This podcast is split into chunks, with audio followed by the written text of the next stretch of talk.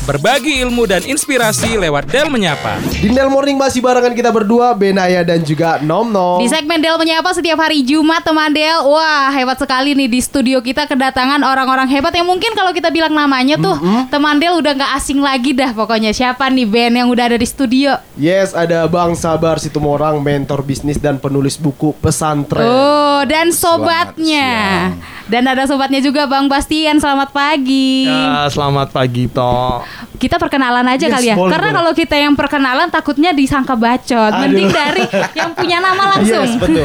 Dari Bang Sabar dulu kali ya Bang Sapa-sapa teman Del sambil dari mana Biar oh Tobaat misalnya Oh. gitu Oke, saya Sabar Situmorang. Saya berbisnis sejak kuliah S1. Awalnya sih menulis, menulis di koran Bandung. Menulis di koran Bandung, menulis di majalah ITB. Honornya saya gunakan untuk mengongkosi saya membuat produk-produk kreatif. Nice. Wah Gak gampang loh. Yes, Soalnya aku waktu semasa kuliah udah nyoba tulis artikel dan puisi Misalnya cerpen Yang lolos cuman puisi doang. Artikelnya kagak lulus Jadi jangan dianggap mudah soal Betul, menulis betul, tuh. betul, betul, betul, Nah betul. topik kita di segmen Del Menyapa Pagi ini teman Del Sabar Situmorang Goes to SUD dan ITDEL Soalnya dari tadi udah diomongin kan Dari Betul. kuliahnya. Jangan ditanyain lagi soal mentoring dan juga bisnis. Nah, Yes. Yang kita mau tanya nih Bang, dari jurusan seni rupa dan desain menjadi mentor bisnis itu gimana ceritanya nih Bang? Oh. Terus emang suka bisnis Abang? Oh iya, jadi kan orang dulu lihat, wah ini orang seni rupa tuh mau jadi apa? Iya Yes. Apalagi orang Batak, oh seni rupa itu madesu, mau makan apa nanti gitu kan? Nah, jadi orang Batak tuh biasanya kalau masuk ITB sipil, mesin, kan? Waktu SMA kan saya sudah ketahuan, karena saya katanya hobi gambar, coklah masuk ITB ya arsitek atau seni rupa gitu ya. Jadi saya tinggalkan MIPA-nya nggak saya daftar, saya ambil seni rupanya. seni rupa. Nah kalau ngelukis atau ngegambar di kanvas kan udah biasa kan bang. Kalau misalnya menggambar masa depan kita bisa nggak? Wah, saya salah jurusan, harus masuk psikologi saya. Kalau itu lebih ke psikologi. Nah ternyata nih teman Del di studio yang kita kenalin tadi ada sahabatnya yang sudah tahu kayak bisa dibilang sepak terjang lah. Yes. Ya.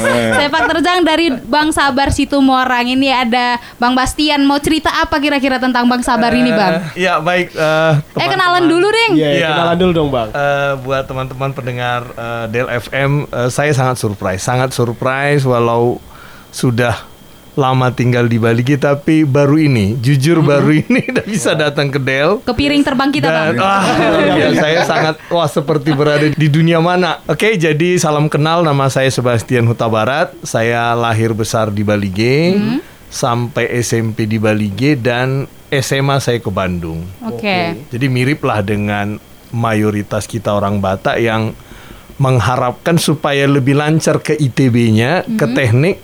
Kalau masuk SMA bertarung di Bali G ke Bandung kan susah. Iya. Jadi mirip Bang Sabar Iya. ini pun sama. Iya, iya. Dari Duri dikirim SMA ke Iya. Bandung, saya dikirim dari Bali G ke Bandung. Oh, Cuman Siap-siap beda. ya. Jadi beda 4 tahun. Bang Sabar ini 85 ya Lebih SMA. muda saya. Tampilan pede banget ya. nah, jadi kami beda 4 tahun tapi kami sama di Naposo Bulung. Oke. Jadi waktu remaja-remaja lah seumuran kalian kali ya, umur saya tingkat-tingkat dua, tingkat-tingkat dua itu ini keren ini ngetop banget karena jarang kan ada orang Batak tiba-tiba punya toko di mall. Di Oke. Bandung itu ada satu mall yang sangat paling Premium. bagus di Jalan Merdeka Ya. namanya Bandung Indah Plaza. Itu termasuk mall pertama di Bandung dan di mall premium itulah ada satu toko yang bernama Roket dan pemiliknya itu Sabar Situmorang. Wow. Wow.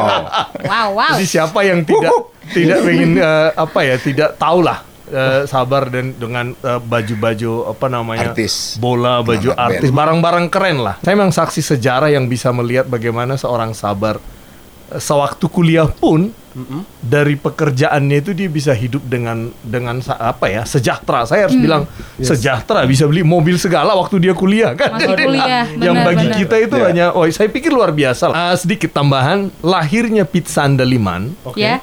Itu karena saya sering bergaul dengan beliau sampai akhirnya dari barang-barangnya kayak Yutoba ini kan Oke. itu hanya nyerempet seni Iya. itu kan kreatif itu kan nyerempet Yes. sedikit lari. Geser Nah, dikit ya.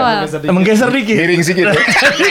Iya, makanya mungkin dibilang "Ah, lari saotik atau orang gila begitu kan Iya, iya. tanda. Nah, tapi jujur karena sering bergaul, sering tawa jalan sama, akhirnya terpengaruh kan, terpengaruh. Kemudian pas saya belajar buat pizza itu, akhirnya muncul gitu loh, bagaimana membuat sesuatu yang berbeda. Gitu. Yes. Jadi eh, ya terima kasih lah buat sabar yang sudah Selalu ya? sabar. Ngomporin. Apa ya lebih dari mempenga- meracuni tadi Ya, ya, meracun. Ya, ya, meracun. Meracuni. Jadi pendengar DLFM mau diracun hari Ah, ini. gitu. Siap-siap ya. Kita berdua dulu yang diracun nih maunya nih. betul betul dikasih ilmunya dibagi ilmunya kan. Nah kita ngomongin buku nih. Kalau orang eh, udah sukses terbilang sukses ya bang, Ya. buka usaha bisnis bisa mentoring gitu. Eh, yang orang lihat mungkin hanya suksesnya aja. Mereka lupa akan proses-proses tangga-tangga yang Ya. udah bang Betul. gitu. Nah ini ngomongin buku pesantren nih namanya teman Del. Kalau digabungin itu pesantren. Iya. Apa ada hubungannya? Terus apa pesan yang bisa kita petik nih sebagai anak muda dari buku Bang Sabar ini? Ya, buku ini terinspirasi dari kegiatan saya banyak jadi dosen tamu. Ke Del ini kan saya udah sering ngajar di SMA sama di IT Del. Oke. Jadi dari jalan-jalan ini salah satunya saya ngajar di pesantren di Sragen. Oke. Nah, jadi sebagai seorang pebisnis yang dari sejak mahasiswa saya terpikir berpikir secara desainer produk sama dengan seorang jurnalis buku, penulis buku. Jadi buku itu mesti menjual. Hmm. Salah satunya judulnya mesti menjual. Oke. Jadi dari awal mesti berpikir kita apa pun harus menjual. Oke. Dalam mendesain produk di toko saya, mulai mulai berbisnis dulu udah sampai membuat buku hari ini, itu mesti menjual secara judul. Nah, makanya saya terpikir ide begitu ada ide jangan didiamkan, catat di note Yes. Betul. Betul betul. atau betul. tulis di kertas kecil. Setuju. Karena kalau kita mikir ah ntar aja malam kalau udah Lupa. longgar, Lupa. ah lupa, lupa, Betul. diingat-ingat lagi nggak ketemu, wah nyesel. Nah saya sering begitu, makanya note saya banyak sekali isinya. Hmm. Nanti terserah mau diedit, terserah. Yang penting saya teringatkan oleh catatan itu. Jadi pesantren itu menjadi judul yang menarik secara marketing karena dia berada di ping perbatasan Iya. antara pesantren dengan pesan-pesan dari tren. Tren. Yes, yes. Ah gitu. Jadi pesantren itu judul besarnya, anak judulnya kreativitas di tengah ketidakpastian. Wow. Bagaimana kita bisa kreatif untuk mengantisipasi eh, ketidakpastian hidup dalam bisnis ataupun dalam pendidikan, bersosial gitu ya. Nah itu tadi bukunya bisa dicek di mana itu bang sekarang? Itu langsung ke Bank Sabar. Itu saya masukkan hanya 80 Hmm. dari 1.300 stok saya selama pandemi. Ah, sisanya saya ulas lagi sesuai dengan judul pesantren. Wow. Gitu. Sangat produktif. Yes, betul, Jadi kita betul. anak muda yang suka nempel daya magnetiknya itu tinggi dengan kasur harusnya malu ya. Iya, malu. Malu gitu mendengar cerita Bang Sabar nih yang selalu produktif di tengah pandemi. Yes. Nanti kita kepoin kira-kira apa hubungannya nih Bang Sabar dengan ITEDEL dan SMA Unggul Del. Nah, buat kami yang penasaran dan kita juga penasaran, nanti jangan ke mana-mana. Stay tune coba di 924 Del FM. Connecting, you to Toba. Del menyapa. hanya di 92,4 Del FM. Connecting you to Toba.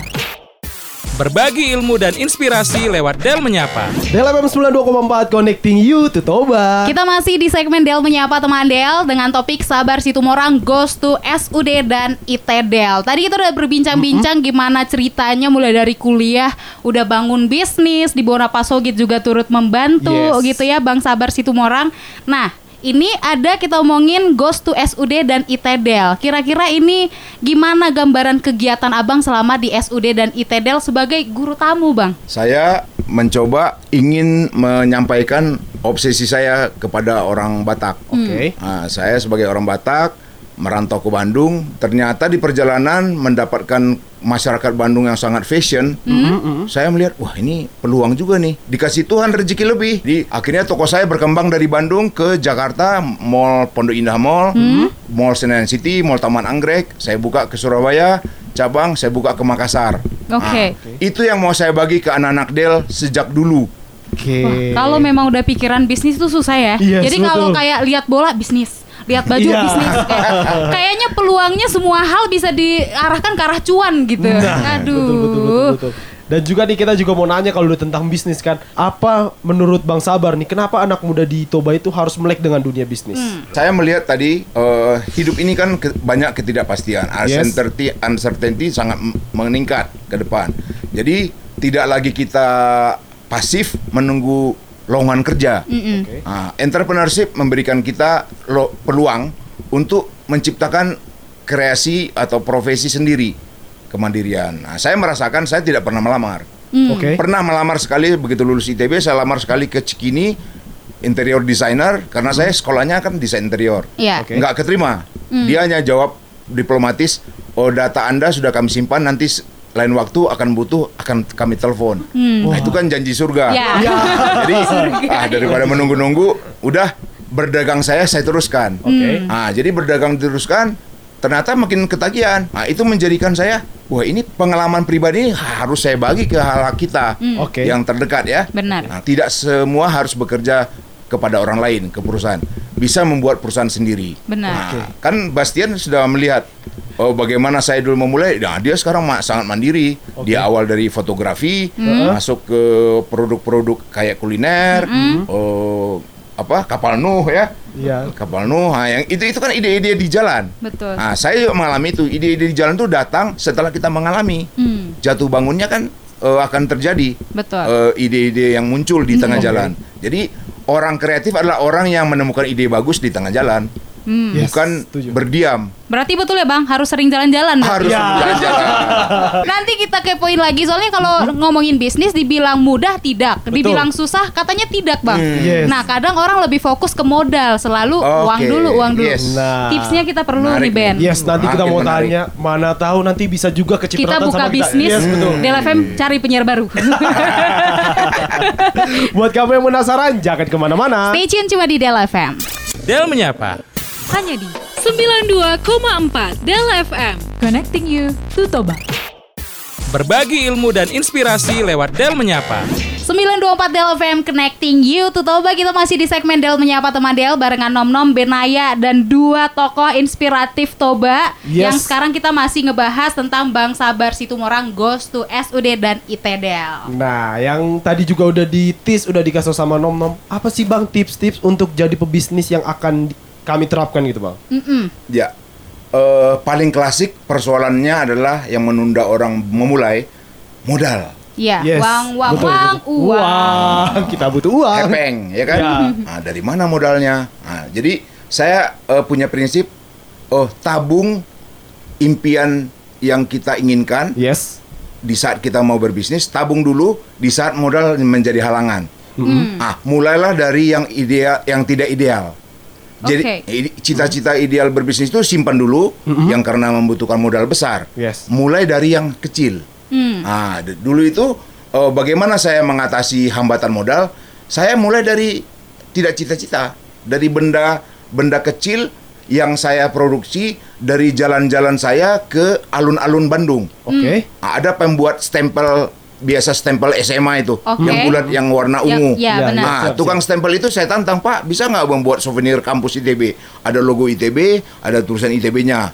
Hmm. Dia buat, oh dulu modalnya saya hanya modal 300 perak. Oke. Wah. Nah, saya jual 5000 Wow. Nah, Untung 4.700. tahun 1990. Wow. Nah, jadi jadi tabung impian ideal, Mm-hmm. sementara nggak ada modal, lakukan impian yang kecil-kecil, diketeng. Oke. Oke. Nah, jangan yang modal besar ini menjadi alasan, oh nggak berbisnis, nggak ada modal nih. Iya. Nah, mulai dari yang kecil, keteng cita-citanya dari yang kecil. Jadi dari jalan-jalan loak tadi kan saya nemu tukang stempel, Iya. nggak niat, cuma yang kepikir Pak bisa buat souvenir ITB nggak? Nah, saya jadikanlah gantungan kunci. Oke. Kan modalnya ringan. Heeh. Hanya saya dulu butuh 100 ribu. Nah, dari 100 ribu bisa berapa banyak barangnya. Ah, saya titipkan barang ini ke kantin kampus. Oke. Karena saya kan nggak punya uang untuk menyewa, Iya. nggak punya karyawan. Ah, titipkan konsinyasi dari barang harga 5.000 kasih dia 20 persen. Oke. Nah, potong 500 tak kali dua berarti 20 persen jadi eh, potongnya 1000. Nah, jadi ke saya 4000. Nah, tiap bulan habis kuliah kan bisa sih nggak mas? Laku Iya. berapa bulan ini? Nah, ah, ini keteng-ketengan ini plus uang honor saya menulis di koran itulah yang saya gabung menjadi nambah lagi jumlah barang pesanannya Wah. Nah, naik ke barang apa? Bukan ITB lagi unpad Unpar, UGM, logo-logo UM saya jiplak dari skripsi Oke. di kampus Bulak Sumur. Kan dulu belum ada belum ada komputer. Yes, yes. Ah, saya ra- kayak saya ra- apa tuh rapi ro- rugos Iya. yang digosok gitu. Iya, pakai. Iya, Ah, iya, iya, saya fotokopi, tahu. ketemu fotokopi. Yes. Ah, ditimpa lagi dengan rapido. Oke. Jadi, Itu modal sangat murah kan? Iya. Iya, Nah, iya. nggak perlu modal 5 juta pinjam uang mama. Nah, atau Iya. uang pensiun nggak usah. Kecil dulu resikonya biar mengecil. Betul. Kalau kita ideal yang banget, nanti sekali gagal berat Betul. ininya. Nah, jadi mulai dari ketengan cita-cita tadi. Jadi menurut Bang Sabar nih dengan potensi di Toba sebenarnya kita kan udah wisata prioritas nih Danau Toba. Nah di Toba sebenarnya potensinya pun sangat banyak.